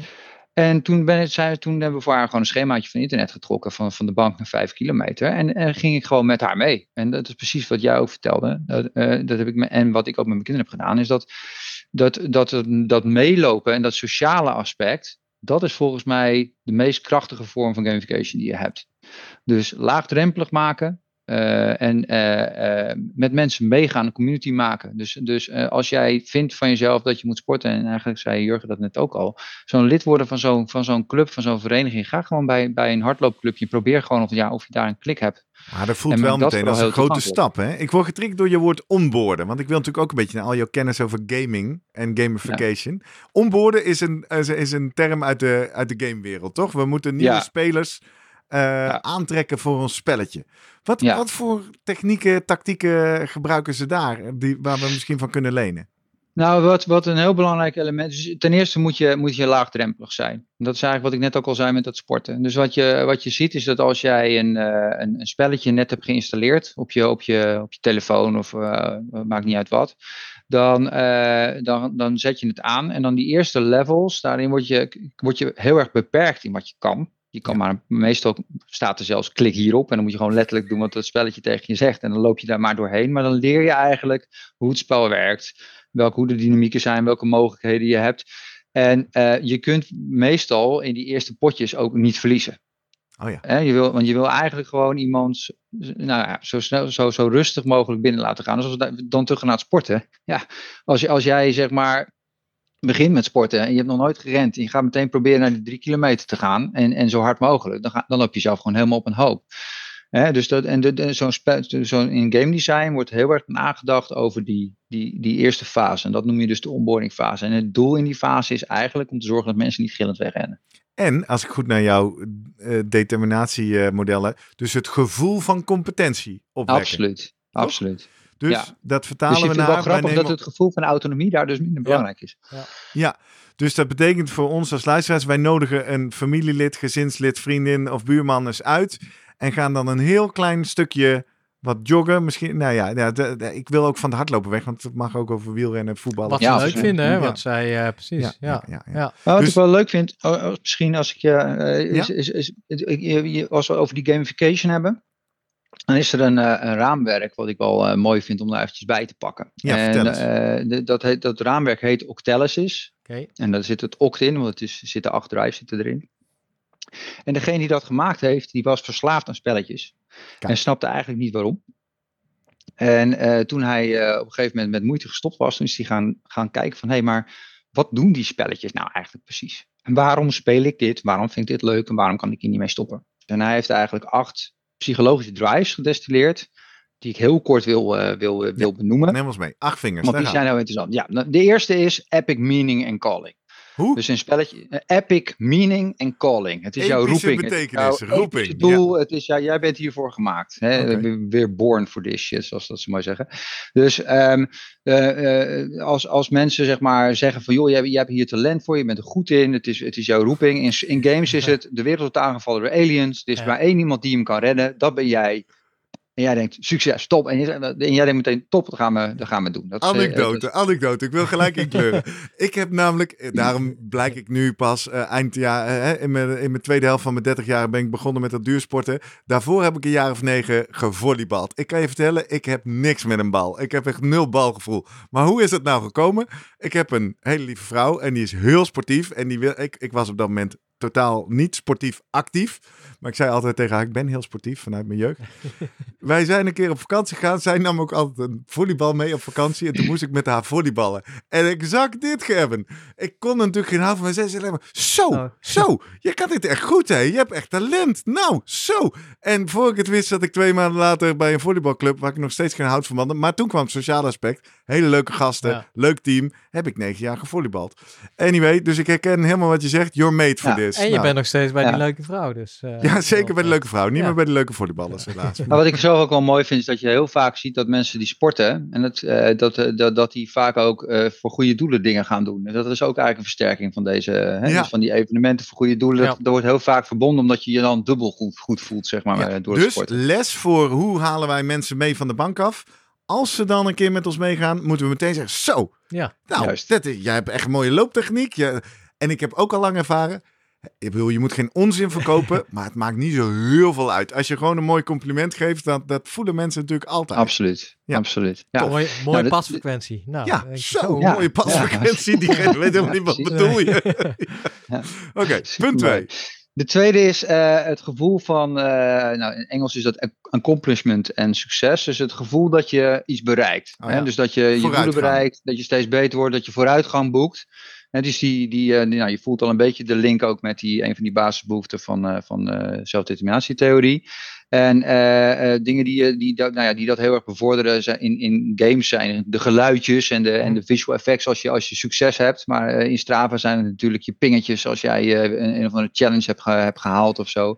Je Ja, denkt, eh, en al yes. die, al die eh, segment-PR'tjes natuurlijk. Hè? Niet Absoluut. voor niks. Dat je, oh, je bent weer sneller Ja. door de tuin gerend. Precies. Oh, wat goed ben Ja. jij bezig, Ja. zeg. Ja. Dus mensen natuurlijk kunnen ook een, een- ook eh, een- ja, een onontdekt segment gaan eh, vinden van denken bij hun in de buurt. Steeds beter. En eh, ja, al is het maar 100 meter. Of Ja. ja, ja dan kunnen ze al snel een, eh, de, ja, de, een PR daar gaan halen, zeg maar. Ja, Ja. Ja. Ja, ja. De derde is, eh, het, eh, eh, is eigenlijk autonomie. Dus het gaat heel erg over dat je nou ja, eh, eigenlijk strategie kan bepalen. Dus dat je dingen kan uitproberen. En dat je dan eigenlijk door snelle feedback voortdurend weet of je, of je op het goede pad zit of niet. Ehm, en eh, w- nou ja, in, in, in, in het sporten is dat bijvoorbeeld dus eh, tijdens het lopen, nou ja, is die autonomie sowieso heel belangrijk. Want je bent de hele tijd met jezelf bezig met hè, eh, hoe, hoe beweeg ik, hoe loop ik, hoe, wat- hoe voel ik, hoe adem ik en eh, dat soort dingen. Ehm, maar wat voor mij persoonlijk bijvoorbeeld met die trainingsschema's van die, eh, van die vriend van mij heel erg helpt, is hij geeft mij niet drie trainingen die ik moet doen. Hij geeft mij er vier waarvan ik er drie moet doen. Ah, ja. Dat- ja. Wat En dat maakt, voor mij, ja, dat maakt voor mij ontzettend veel uit. Omdat Ja. ik dan gewoon kan, ja, nou, ik ben dan druk of ik heb daar een pijntje. En dus ik kan dan echt dat naar mijn hand zetten. En dat vind ik echt ontzettend fijn. Dit vind ik echt een Ja. heel leuk feitje. Misschien zitten nu allemaal trainers en coaches. "Nou, dat doe ik altijd al. Maar ik weet dat er wat trainers en coaches luisteren. Doet Guido dit Nee, nooit. met jou? Nee, wat hij wel doet is iedere keer maar een week vooruit plannen. Maar Ja. dat is meer vanuit de flexibiliteit om eventueel aan te passen aan wat er gebeurt. Maar het is niet dat hij zegt, hier Ja. heb je vijf trainen. Nou, misschien op de rustdag. Daar staat altijd, je hebt Ah, ja. rustdag en je mag ook gaan mountainbiken Ja, of ja. zwemmen. Maar nou ja, dat, dat vind ik anders. Waar ik wel eh, aan moet denken is wat je nu zegt over autonomie. Volgens mij is dit wat er misgaat bij veel fietsverenigingen. En bijvoorbeeld ook bij onze Heuvelrug Triathlon bij de fietstrainingen omdat je daar natuurlijk in principe met een groep gaat fietsen. En mensen zeker van tevoren heel veel onzekerheid hebben. Of ze ofwel aan de bovenkant, of het niet te langzaam gaat. En of het niet eh, zonde van hun tijd is. Of aan de onderkant, of het niet te hard gaat. En er is hier weer de sociale druk. Of iedereen op hun moet wachten. Of dat ze het niet bij kunnen houden. Dus Ja. dit is natuurlijk een element waar je als je weer mensen mee gaat nemen met sporten. eh, even goed over na moet denken. Nou ja, het lijkt me ook moeilijk als je, als je eh, überhaupt als je teams traint. Hè, om, dat, om, Ja. om hier een soort van Ook maatwerking een aan te voetbalteam bijvoorbeeld. Hè? Mhm. Hoe zorg je Ja. dat er autonomie bestaat voor de voetballers? Ja, ja. Uh, de vierde drive, daar moest ik wat meer over nadenken. Uh, maar dat te vertalen is, naar sport. ja, ja, want het gaat over eigenaarschap en verzamelingen. dus we, we, we, het gaat hier heel erg over, echt en bijna over bezit zou je kunnen zeggen. Dus wat je, wat je in, in, in games heel veel hebt, is dat je bijvoorbeeld, nou met Pokémon, je wil ze allemaal hebben. Je wil die verzameling graag compleet hebben. Um, als jij een spelletje speelt waarbij je zeg maar sterren krijgt na een level, uh, en je hebt dan zeg maar uh, twee sterren, ja, dan, dan moeten het dan toch drie worden. Dus dan ga je dan toch weer terug naar, naar dat ding om, dan, om daar drie sterren van te maken, om een soort van je verzameling compleet te hebben. En wat je hier al een beetje gaat voelen, is dat er eigenlijk twee kanten aan zitten. Het is een prachtig verhaal over een arts die een verschrikkelijke ziekte behandelt bij kinderen. Maar die kinderen die gaan nou ja, bloeden uit allerlei uh, gaten. Verschrikkelijk wat die, wat die man doet in zijn werk. En hoe koopt hij daarmee? Hij gaat ermee om doordat hij thuis s'avonds gaat hij aan zijn postzegelverzameling zitten. En dan is hij daar gewoon aan het ordenen en is hij mee bezig. En dat is zeg maar een soort bijna meditatie. En dat helpt hem dan om, nou, dat welzijn in die verzameling helpt hem dan uh, verder. Maar de keerzijde van het verhaal is ook dat we willen die verzameling compleet hebben. En nou zag ik een voorbeeld volgens mij bij jou, uh, Gerrit. Want jij bent uh, hokjes aan het verzamelen. Ik moest er meteen aan denken. De VeloViewer ja. vakjesverzamelingen. Ja, ja, ja. Ja, dat, kun je eens vertellen hoe dat ja, werkt? Zeker. VeloViewer is een platform voor fietsers vooral. Het werkt met alle sporten trouwens ook, hardlopen, alles. Uh, het is wel betaald, moet ik erbij zeggen. Uh, ik ben persoonlijk in de omstandigheden, als ik denk, joh, iets, iets is een mooi tool, dan betaal ik daarvoor. Um, en daar koppel je je Strava-data aan en dan krijg je allemaal nog meer statistieken. Ik geloof ook dat de wielrenners in het profpeloton het ook gebruiken om routes te verkennen en routes. Uh, er zit heel veel informatie in. Maar een van de aspecten die erin zit, is een Explorer Score. Daar heb je hem al. Dus wat hij doet, is op basis van jouw Strava-data, dus de, de, de hardlooprondjes, wandelroutes, fietsroutes, alles wat je in Strava hebt zitten. Um, hij heeft de kaart van de wereld verdeeld in vakjes van anderhalf bij anderhalve kilometer. En als je ook maar een schoen of een band in zo'n vakje hebt gezet, dan kleurt dat vakje oranje. En dan telt hij dus hoeveel vakjes op de wereld heb jij al uh, verzameld. En vervolgens maakt hij er ook weer allemaal ranglijstjes van. En kun je zien waar je staat in de wereld. Of uh, met je vriendenclub of met je slimmer presteren Strava club. Al die rankings kun je allemaal door. En dan wordt het nog leuker, vind ik, want ik hou daarvan. Ik ben een verzamelaar. Als je nou een vierkantje hebt en je hebt aan alle vier de zijdes van het vierkantje ook een oranje vakje, dan wordt het vakje in het midden blauw. En dan zijn we nog niet, want dan wordt het spelletje, kun jij een zo groot mogelijk blauw vierkant op de kaart zetten. En wat je dus wel eens bij mij Strava uh, ziet, is dat ik nu bij 24 keer 24 ben. Nou, reken maar uit. Betekent dat ik nu al uh, 36 tot 40 kilometer moet fietsen vanuit huis. Om überhaupt bij de rand van mijn vierkant te komen. Om dan nog nieuwe vakjes te verzamelen. Ik vind dat heel leuk. Dat is puur de jager-verzamelaar uh, driver. En uh, ik doe dat dan met Shaki een beetje. Hè? Appen we naar elkaar. Ja. Zitten we meteen een beetje sociale strijd. Ik heb er al zoveel, ik heb er al zoveel. En ik vind het een leuke manier om routes te verzinnen. Ja. Hè, want dat is het ja. bijkomstig effect. Ik kan dan weer in de Strava routetekenaar routes maken. En daardoor kom ik op plekken waar ik anders nooit heen zou fietsen. Maar weet je wat ook nog leuk zou zijn? Uitbreiding hiervan, dat Shaki jouw vakje weer kan afpakken. Afpakken, ja, die apps die... bestaan. Okay. Die heb ik niet paraat, maar ik weet uit de coronatijd dat ze in uh, triathlonvereniging Soes, ja. van, uh, van Jan onder andere, Jan Steehouwer, toen hadden ze daar zo'n spelletje. Hadden ze de vereniging opgedeeld in teams. Oh, en als ja. dan iemand uit het team een paar straten ging liepen, ging je letterlijk een stukje land op de kaart tekenen. En ging het om wie kan zo groot mogelijk landoppervlak uh, ja. pakken. Ja. Misschien Jan, als je dit hoort, moet je ons nog even laten weten welke tool dat was. Want dat was wel heel leuk. Nou, ik ken die beloning natuurlijk wel. De, jij waarschijnlijk ook van de zwemlessen. Ik weet niet of jij bij... En de stickers. Ja, nou, hier bij je dat hebt systeem... niet over de UTT-zwemles? Nee, nou? bij Laco voor de kinderen. Dat ze elke keer uh, met die krokodillen... dat ze een, een, een, een, of een, een sticker inderdaad kregen... of een soort wuppie was het, of noem maar op... in de vorm van een krokodil. Doet me ontzettend daaraan denken voor... Maar ja, dat zijn jonge kinderen, zeg maar. Ja. Is nou, ook... ik kan jou vertellen dat ik uh, in. Uh, ik heb wel eens. VWO. ja. Ik heb wel eens ruzie gehad met de jongen uit HAVO 5 omdat ik hem geen stickertje wou Oh, oké. Okay. Dus het, het, dus, het en, werkt en bij wat, jou wat, wat namelijk het mooie is. steeds. Ja, ja, ja, af, ja, af, en toe. En, wat, wat, en, en de leerlingen geven zelf ook aan dat ze dat echt heel leuk vinden. En, en dat komt ook omdat eh, wat het mooie is van zo'n sticker. Kijk, een een sticker, de, de, de game term is badge. Hè, zo noemen Ja. we Ja. dat. En, en een badge is een visuele weergave van een prestatie. En vooral van erkenning voor die prestatie. Ja. Dus het is, het is eh, zeg maar, je, wordt, je prestatie wordt gezien door iemand. In dit geval door mij als leraar. Ja. En, en dat, dat geeft waarde eigenlijk aan die, aan die badge. En dit is toch waar heel Strava vol mee zit. Ja. Met Absoluut, eh, het ja. verzamelen van je kilometertotalen in het eh 10 eh, kilometer per maand challenge. En dan krijgen we een sticker. Dit, dit, dit, dit is heel dicht bij de sportdata. En dan moet ik wel meteen ook denken aan die vrouw, daar is ze weer. Die ook nog wel graag hardloopt en tennis en van alles doet. En alleen maar tegen mij met een vies gezicht zit te kijken. Nou, ik hoef echt niet al die data hoor. Ik loop gewoon voor mezelf. Doet Ja. mij niks. Dus laten we zo maar zeggen, niet iedereen, niet, niet voor iedereen Ja. werkt dit. En nou ja, nee, wat heel grappig is. Hè, kijk, ga- ga- gamification is, is, is, is bedoeld om gedrag te stimuleren. Ja. En, eh, En zij eh, zegt dus eh, in feite, ik heb dat niet nodig, want ik heb dat gedrag al. Ja. Sterker nog, sterker nog, als ik het zo hoor, heeft ze er aversie tegen. Dus dat betekent dat, dat dus in ieder geval deze manier om dat voor elkaar te krijgen voor haar niet werkt. Nee. En, eh, en wat ik ook zie, en dat geldt voor mij trouwens als docent ook, is dat, dat het komt gelukkig niet zo vaak voor, maar heel soms heb ik een leerling die zegt van ja, je doet nu wel alsof je mij keuzeruimte gaat geven, maar dat doe je alleen maar zodat ik doe wat jij wil. Ja, en dan zeg ik, ja, dat klopt. dat is mijn werk. En dan werkt het niet Ja. meer. Nee, dan, en dan werkt het. Bij die mensen werkt het dan niet. Dus als je, dus, en dat geldt ook heel erg voor gamification. Dus, eh, dus eh, eh, als, het kan, er zijn mensen die voelen zich dan meteen gemanipuleerd. Nou, dan moet, dan moet je daar gewoon weg van blijven. Ja. Dan is het gewoon niks voor jou. Dus daar komt hij weer. Geldt dit ook voor eh, medailles? Want eh, die je hoort ze hier af en toe rinkelen. hè? Ja, kijk, ik heb daar dus ja, maar dat is het toch ook medailles? Ja, maar ik heb daar dus helemaal niks meer mee. Dan krijg ik weer zo'n medaille. denk ik, ja, daar heb ik dus niet meer nodig. Dus ze moeten iets anders gaan geven bij de finish. Wat zou jij ik. willen hebben? Een beker.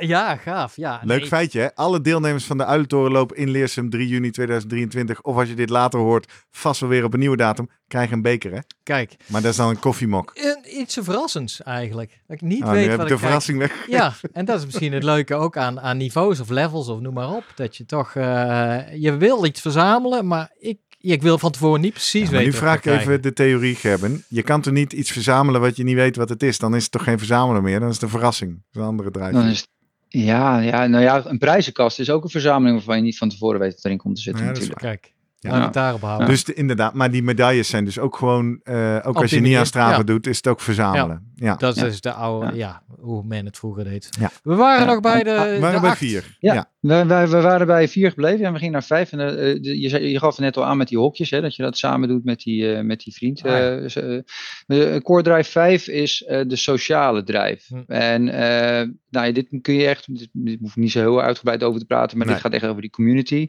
En wat, wat ik wel belangrijk vind, is dat, hi- dat dit echt heel duidelijk twee gezichten heeft. Dus je hebt zeg maar aan de ene kant, ik noem het maar de, de verbondenheid kant, hè, dus die autonomie ondersteunende kant, die zorgt dat jij nou ja, intrinsiek gemotiveerd bent, enzovoort, enzovoort. Eh, dus dan gaat over waardering, samen met mensen, eh, misschien status, al zit dat al een beetje op het randje.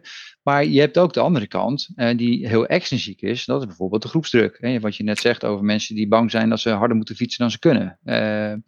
Dan, dan is het eigenlijk dat groepsproces op dat moment niet meer fijn.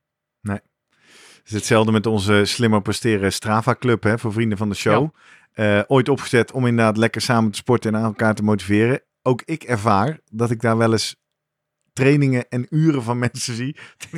Kijk er maar niet naar, Ja. want voor je het weet ga je eraan meten natuurlijk. En dat is, dat is Ja. juist niet de bedoeling ervan. Nee. Nee, precies. Of precies. je moet echt begin van de week volgens mij.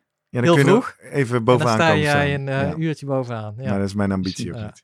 Ja. Gerben, nummer 6. Nummer zes eh, gaat over schaarste en ongeduld. En eh, eh, schaarste is, is een enorme dwingende factor. Dus, dus een voorbeeld hierin is, is als jij booking.com gaat kijken of zo, Ah, of een van de bookingsite. Nog En, je plaatsen. kijkt naar een paar, precies, al zoveel keer bekeken, nog maar zoveel keer beschikbaar. En wat je dan ervaart, is dat er eigenlijk meteen een gevoel is van, oh, maar dan moet ik eigenlijk nu boeken. Dus, Ja. dus dat, dat is dat gevoel van urgentie. En dat is dus heel erg kenmerkend voor die extrinsieke vorm van motivatie. FOMO Ehm, toch? Hè? De, de angst om ja. iets te missen. ja, maar met sporten, wat, wat ik zelf heb, ik, ik moet dus, eh, ik, ik wil dus, nee, hoor je hem al, Eh, ik wil dus drie keer per week hardlopen. En eh, als ik dan zeg maar op woensdag nog niet ben geweest, Ah ja. dan komt er voor mij druk. Want dan denk ik van ja, oh, oh, als ik nog drie keer moet met nog rustdagen ertussen, dan moet het nu echt wel gaan gebeuren. En dan ga ik toch op woensdagavond misschien, terwijl ik eigenlijk een beetje moe ben, ga ik dan toch nog eventjes een rondje lopen, omdat ik het anders niet rondzet in de week. Dus je ziet eigenlijk dat die, dat, dat, daar, dat is een extra drijf op dat moment. Ik heb dan, dan geen zin om te gaan. Maar uh, die helpt mij dan wel om te, om te gaan lopen. Dus die schaarste, uh, en die zie je bijvoorbeeld ook terug in een evenement. Ik kan me met herinneren dat jij een keer op een hoop gelopen hebt, uh, Gerrit. Omdat het het laatste evenement van het seizoen was. Oh ja, Amersfoort. was het niet dat evenement waar je mij inhaalde? Ja, dat was er één, inderdaad. Zeker. Ja, nee, dat klopt. Ja, van dat gevoel van het moet nu gebeuren. Ja. Het moet nu gebeuren. Hè? Dit is het enige moment waarop het kan. Dus dat is die schaarste. En dat is bijvoorbeeld ook wat bij, bij toetsen en bij belangrijke wedstrijden heel veel stress oplevert. Hè? Want het is, dan, dat is, is maar één kans. Het is maar één moment waarop, dit, waarop het moet gaan gebeuren. Hey, en in de intro ergens zeiden we dat is een element van gaming wat we willen proberen te voorkomen. Hoe heb je, heb je nog ook wellicht vanuit de gamingtheorie of, of gameervaring of eigen ervaring een tip hoe, je, hè, je kan het in je voordeel gebruiken. Het moet nu, dus ik ga nu. Dat, dat is eigenlijk mijn tip. Dus mijn tip, ja, dus, dus kijk, mijn, eh, het, het feit dat het, dat het dwingend is, vinden we vaak vervelend voelen.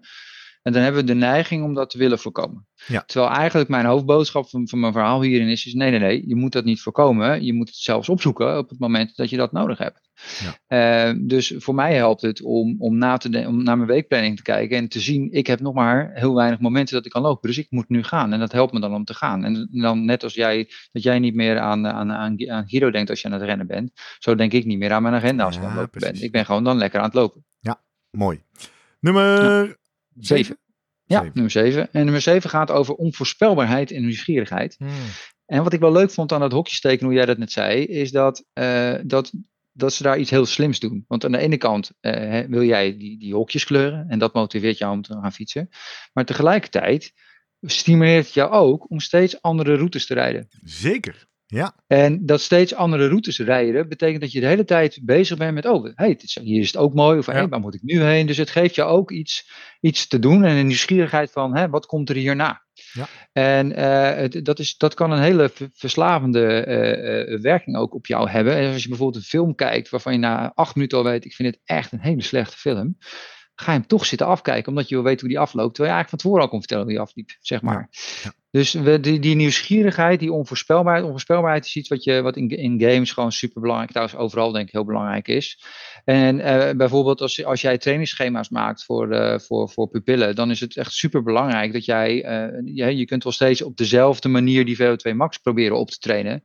Alleen jouw spelers zijn het dan gewoon spuugzat. Ja. Je moet het gewoon proberen om dat op andere manieren te doen. En ik vond jullie, uh, het over die, uh, dat skills model. Ik ja, dat ja, daar hebben we het regelmatig ja, over. En daar gaat dit de hele tijd over. Ja. Daar gaat dit de hele tijd over. Dus, dus daar zie je eigenlijk dat je die proberen heel erg die, die, die onvoorspelbaarheid erin te houden. Om ook mensen aan te houden. Nog los van de fysieke uh, benefits heb je daar dus ook heel duidelijk psychologische benefits van. Omdat het jou gewoon motiveert. Ja. Nieuwe prikkels. Concreet, hoe pas ik dat toe naar mezelf of naar trainers? Dus enerzijds Guido, die dus iedere keer maar een week vooruit plant. Dat is heel leuk. Ik vind in het zwembad, onze heuvelrugtrainer uh, Edwin van Noorden, ik vind het zo'n groot verschil of je een viertje krijgt met je hele programma, waar je al weet waar je door moet. Dat is op woensdag. Of hij zegt iedere keer, ja. nu 200 meter dit, en dan kom je weer bij die kant, en dan als een soort zeehond met je bek open, kijk je omhoog. En nu, Edwin, wat gaan we nu doen? en dan, en dan op een of andere manier ben je dan ook vijf kwartier aan het trainen. En je doet het gewoon Maar het voelt veel korter. Terwijl als je mij van tevoren zegt, ik heb dat wel eens uitgerekend, hè, we zwemmen, ik zwem nu meestal 3000 meter, dat is 120 baantjes. Als je van tevoren zegt, ga je mee naar het zwembad maandag, gaan we 120 keer op en neer zwemmen. Nou, dat lijkt me gereed aan. Maar op deze manier is het leuk. En, en de derde... spelletjes is... Sorry, je wou nog zeggen. Nee, ja, ik wilde nog toevoegen. Het derde is natuurlijk voor de lopers, fietsers. Uh, rondjes variëren. Hè? Niet de hele tijd hetzelfde rondje lopen fietsen. Doe het maar eens ja, in een andere richting. In spelletjes zie je wel eens dat ze bijvoorbeeld, eh, als ik een spelletje in de klas wel eens, uh, wel eens doe, dan kan ik zeggen van nou, als je, als je het doet, krijg je zoveel punten. Maar je kan ze ook met een dobbelsteen laten gooien. En dan uh, Om hoeveel punten keer een aantal punten. Ja, dan heb je altijd onvoorspelbaarheid. En dat, heeft, dat is altijd aantrekkelijker en leuker. Want dan heb je toch zo'n moment dat ze gooien. Oh, of ah, jee. ja. Nou ja, dus, die onvoorspelbaarheid die geeft eigenlijk dan een stukje emotie. ja. Mooi. En, en de, laatste. de, laatste. ja, die staat eigenlijk, het is een achthoek, waar het in een achthoekig schema waar het in staat, daarmee het ook tellers is. En onderaan daar heb je Core Drive 8. En dat is het vermijden van uh, verlies of onheil. Oeh. En uh, dit klinkt uh, vreselijk dramatisch, maar ik dit, denk meteen, dit, hebben geen pieken zonder dalen. Ik bedoel, hoezo vermijden van verlies of onheil? Nou ja, eh, een heel goed voorbeeld is, eh, ik ga lopen, want anders eh, wil Hiro mij niet meer trainen. Ah ja. En een, eh, een ander goed voorbeeld Dus is... je zegt eh, nu het vermijden van ah, onheil is de drijfveer in dit geval. Ja, ja het drijft jou om dingen te doen. Ja, Ja, dus ja, het, het kan ook zijn van, hè, eh, eh, wat, ik heb persoonlijk nu in de afgelopen twee weken een beetje dip in mijn, eh, in mijn sporten. Eh, me- mede door drukte op het werk, door het weer. Nou ja, goed, ik heb gewoon een tijdje minder gelopen. Dan ga ik weer lopen en dan zie ik dat Ja. ik minder goed ben. Nou, dat vind ik echt heel moeilijk om mee te dealen. Ja. En eh, eh, zeg maar, het, het, het- dus, dus je, soms ga je ook gewoon lopen om niet achteruit te gaan. Dus dan probeer, ga je eigenlijk lopen om te vermijden dat je minder sterk wordt. Dat is ook een hele extrinsieke drijf. Ja. Waarvan ik dan altijd maar hoop dat dat zo snel mogelijk weer weggaat. Ja. Ehm, en, maar eh, ja, je- dat vind ik wel interessant, want dan, ja, eh, dan, natuurlijk rekening houdend dus met autonomie en competentie, dat, dat je weet iemand kan het wel. Maar in het geval bijvoorbeeld voetbal, hockey, waar toch ja, tegenstanders eh, mee te maken hebt, ja, dan ligt misschien verlies iets, ja, iets sneller op de loer. Kan je dat, eh, ja, hoe, eh, hoe benader je dat dan eigenlijk? Want dan wordt verlies toch, eh dat kun je ook op een verkeerde manier interpreteren van, eh, ja, niet competent genoeg of... eh, Nou ja, dus ik- in zo'n, in zo'n spel is natuurlijk een, een, een, hè, zijn een heleboel eh, eh, gebeurtenissen achter elkaar. En in totaal heb je dan misschien verloren of gewonnen. Ik denk dat een heleboel van motivatie om bijvoorbeeld te trainen en om ook eh, nou ja, te luisteren naar je trainer, eh, komt voort uit het feit dat je geen wedstrijden wil verliezen. Dus, Ja. eh, dus dan, dat is echt die, nou ja, gewoon hardcore die core drive 8. Van, jongens, we moeten hard trainen, want we moeten volgende week tegen die ploeg. En, eh, en, en dat wordt een belangrijke wedstrijd. Het is een hele grote motivatie. Dus je bent dan eh, grotendeels ook hard aan, het- aan het trainen om, om verlies te voorkomen. Ja, juist Eh, natuurlijk in teamsporten. ja. Want bij dat hardlopen, fietsen, wielrennen, wat, of, eh, wielrennen, triathlonnen, wat wij recreatief doen, ben je alleen maar met jezelf bezig en met de klok. dat klopt. Maar ja, in een eh teamwedstrijdsport gaat het natuurlijk gewoon over winst en verlies iedere week. behalve Nou, bij de nou- jong- ja, jongste jeugd zijn ze het een Nou, beetje aan het meer. afschaffen en zo, hè, zeg maar. In ieder geval bij het voetbal, hockey en noem maar op. Ja. Ja, maar ehm, Cool, Gerben. Ja, nou, om het een beetje nog tot slot aan elkaar te knopen, want dat vind ik dan wel mooi. Dus we hebben aan de bovenkant hebben we één. En één was eh, eh, epic meaning en calling. En we hebben daar die autonomie. En we hebben die accomplishment. Hè, dus het gevoel dat je steeds beter wordt, dus de competentie. Ja. Wat noemt Chu, noemt dat de Whitehead Drives. Hij heeft een hele mooie TED-talk van 15 minuten zitten in de show notes. Dan kun je dat terugvinden. Ja. Dan noemt hij de Whitehead Drives. Dus witte, Whitehead Drives. Whitehead, dus witte hoed. Ik weet niet Oh, dat witte hoed. Niet je witte hoofd, maar je witte nee, je hoed. witte, Ja. je witte hoed, ja. En je hebt zeg maar, aan de onderkant heb je de drie. Dat zijn die schaarste, die onvoorspelbaarheid en het vermijden van onheil. Die noemt hij Black Hat. En die zijn extreem extrinsiek allemaal. Dus die zijn heel dwingend. En die White Hat drives die zijn heel erg autonomie ondersteunend. Die, die, Ja. die zijn heel erg die evergreen. Dat is eigenlijk je, je, je, je grote motor. En de onderkant is eigenlijk je startmotor. En dan heb je de twee in het midden. Dus dat zijn die eh, vier. Die eh, eigenaarschap en verzamelingen. En die eh, sociale invloeden, ja, die zijn eigenlijk allebei. En die Ja. hebben eigenlijk eh, heel duidelijk die twee, die twee kanten. En eh, wat, wat, wat Joe mooi doet, is hij heeft allerlei mechanismen, dus allemaal elementen uit games, heeft hij geclassificeerd, zodat die, hoe je eigenlijk daar aanspraak op kunt doen. En ik denk dat zeker mensen die, eh, die eh, nou, ik denk dat iedereen die dit interesseert, eh, bekijkt dat is. Maar ik denk dat het ook interessant voor, voor eh, nou ja, gymdocenten, überhaupt docenten en voor misschien voor coaches ook interessant is om je daar eens in te verdiepen. Om te kijken Want- wat voor elementen uit spellen je kunt gebruiken om die, die vorm van motivatie groter te Ja. maken. ik Want heb dat die, doet hij in die ja. TED-talk, eh Gerben, die in de show notes staat. Ja, hij heeft een, dus in die TED-talk eh, geeft hij eigenlijk dit overzicht. Dat duurt natuurlijk maar een kwartier. Dus dan geeft hij eigenlijk dit overzicht met wat voorbeelden erbij. Ja. En in zijn boek, wat eh, op allerlei plaatsen gratis eh, ook eh, te, Downloaden te is. downloaden is, daar breidt hij het heel erg uit. En dan gooit hij ook allerlei game, eh, game elementen erbij. Die, Ja, dat, leuk. die dat voor Die TED-talk krijgen. heb ik gezien, die is super inspirerend. Ja? Ja? die moet iedereen even kijken. Die moet iedereen even kijken. Zullen we hem gewoon erachter plakken? TED-talk kun je ook luisteren, toch? Oh, nee. Ja, tot slot, eh, want eh, ik denk dat we. Ja, we gaan afronden, gaan. zeker. Jij noemde het al, gymdocent. Ik kan me voorstellen dat jij, en je, je vertelde het al, dat je in de klas wat, wat eh, in ieder geval game-elementen toepast. Dus jij geeft natuurkunde. Heb jij contact hierover met je, met je gay, of met je game, Gaming collega. game slash gym, eh, gymdocent? Want Nou ja, daar wat- gaat het wat meer om sport en bewegen. is, Ehm, Wat een verschil is tussen, tussen, tussen natuurkundeles en gymles, is dat, uh, dat sporten is heel vaak al spel. Hè? Dus, uh, dus heel veel, uh, hoewel je ook wel gewoon dingen doet die puur op het bewegen gericht zijn, maak je daar eigenlijk automatisch vaak al spellen van. Ja. Dus, dus heel vaak als ik met, met gymdocenten praat over gamification, zeggen ze ja, maar dat doen wij allemaal al. Terwijl het juist in een, in een klaslokaal met stoelen en tafeltje waarin je op zijn gat zit en waar we heel erg cognitief bezig zijn, met ons hoofd bezig zijn, daar is dat veel minder ja. vanzelfsprekend. Um, ik denk nog steeds dat met name dus als het gaat om die autonomie ondersteunende dingen, dus uh, keuze geven, maar en ook uitleggen, hè, wat we net ook al genoemd, uitleggen waarom je een training vormgeeft zoals die is vormgegeven, waarom doe je iets, dat, dat daar veel gymdocenten en veel trainers veel meer gebruik van zouden kunnen en misschien wel moeten maken om hun pupillen te motiveren.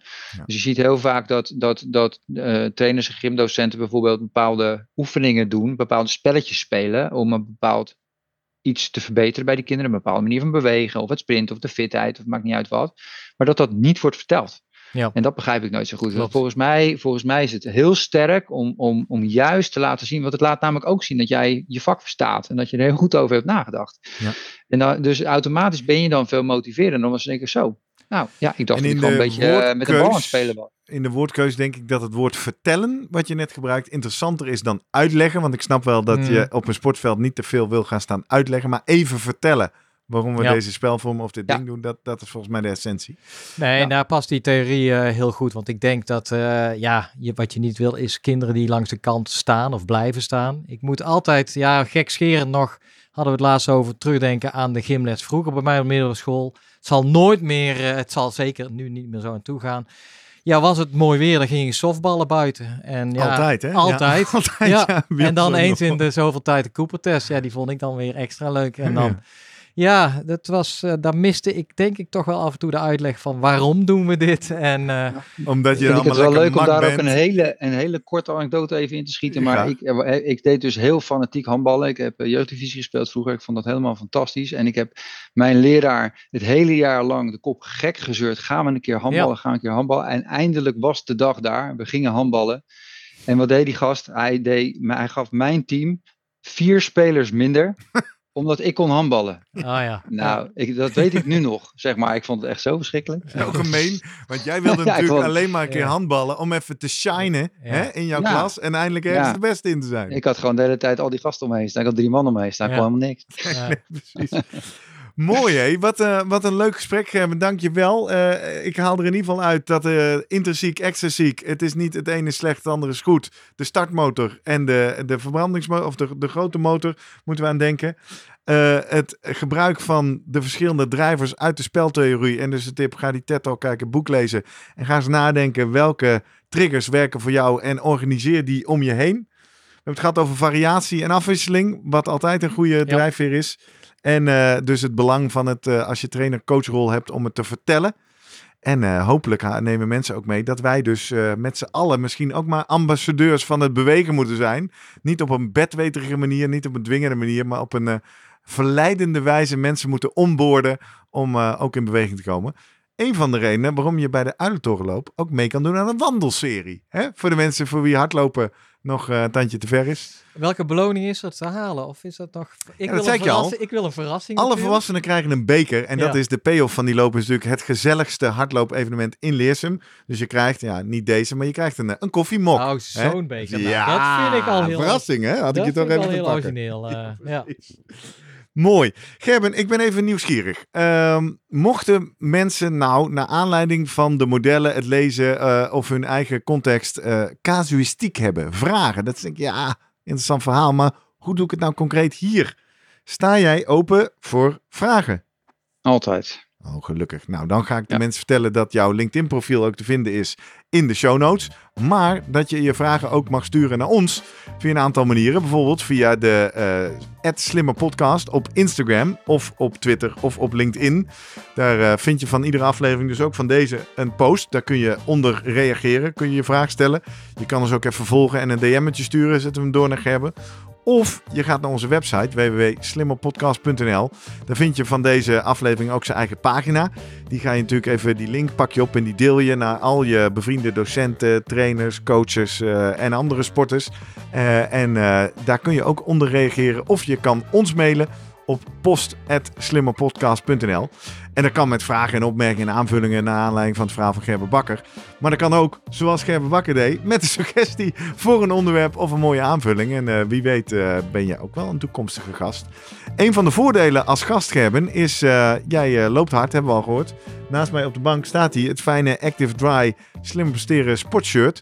Die sturen we in ieder geval naar je op. Dus uh, tof. laat ons nog even je adres en je maat weten. Extra motivatie, hè? En, ik wil, uh, ik wil als het goed is, uh, één kleine plug nog toevoegen. Ik heb dus ook een, een natuurkunde YouTube-kanaal, de Boomlau Natuurkunde. Heb. Daar, via daar kan je me ook mijn mailadres eventueel ah, vinden. ja, nou, die staat maar ook in de show leuk om eens, om eens te kijken. Ja, zeker staat in de show Leuk. En wat, wat doe je op dat YouTube-kanaal?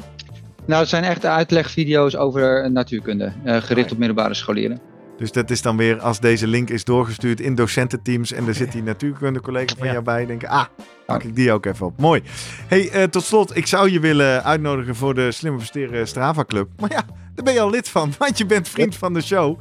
En uh, daar moeten we dan maar even mee afronden met al die leuke nieuwe vrienden van de show. Zoals dat bijvoorbeeld ook Robin zijn en Thomas en Bjorn Bergfans en Erik Abink en Daan Verhoef en Marieke Eras en Ronald Wouters. En dit is dan natuurlijk ook weer een uh, gamification uh, dynamiek die ik hier gebruik. Want als jij doneert via vriendvandeshow.nl slash slimme podcast, nou, dan uh, word je misschien wel genoemd hier in de uitzending. Ja, en, en, dan ben, ben, ben je, je lid beroemd. van de, de community. Oh ja, ben je lid Ja. van de community. Krijg je 25% korting in de webshop. Kun je je ook kleden als de community.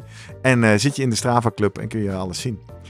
Gerben, zijn we dan rond of hebben we nog een uitsmijter van jouw zijde gemist? Ik heb één uitsmijter. En dat is uh, keuze geven in je, in je programma. Dus ja, uh, als trainer geef keuzes, uh, zodat ze, mensen iets te kiezen hebben, zodat ze meer autonomie ervaren. Dat is het uitsmijten. Mooi, hele goede tip. Een hele ja. mooie tip. Gerben Bakker, dankjewel voor je tijd en expertise hier te delen met ons. En uh, Jurgen. Ja, dankjewel Gerben. Tot volgende week. Tot volgende week.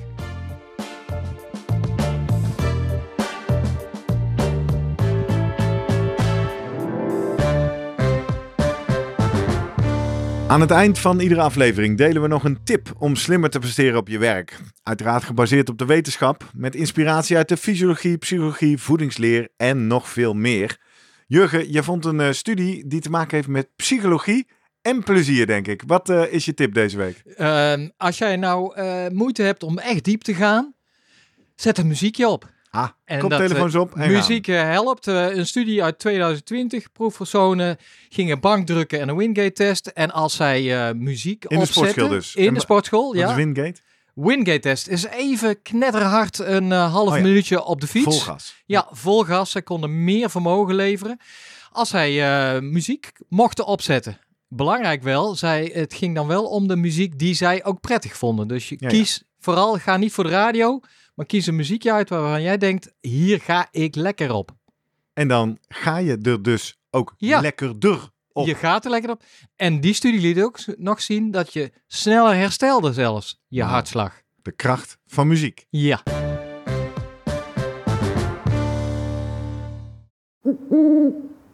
Hey, pst. Voordat je weggaat, denk er nog even aan uilentorenloop.nl. Dan zien we je de eerste zaterdag van juni. Tot dan!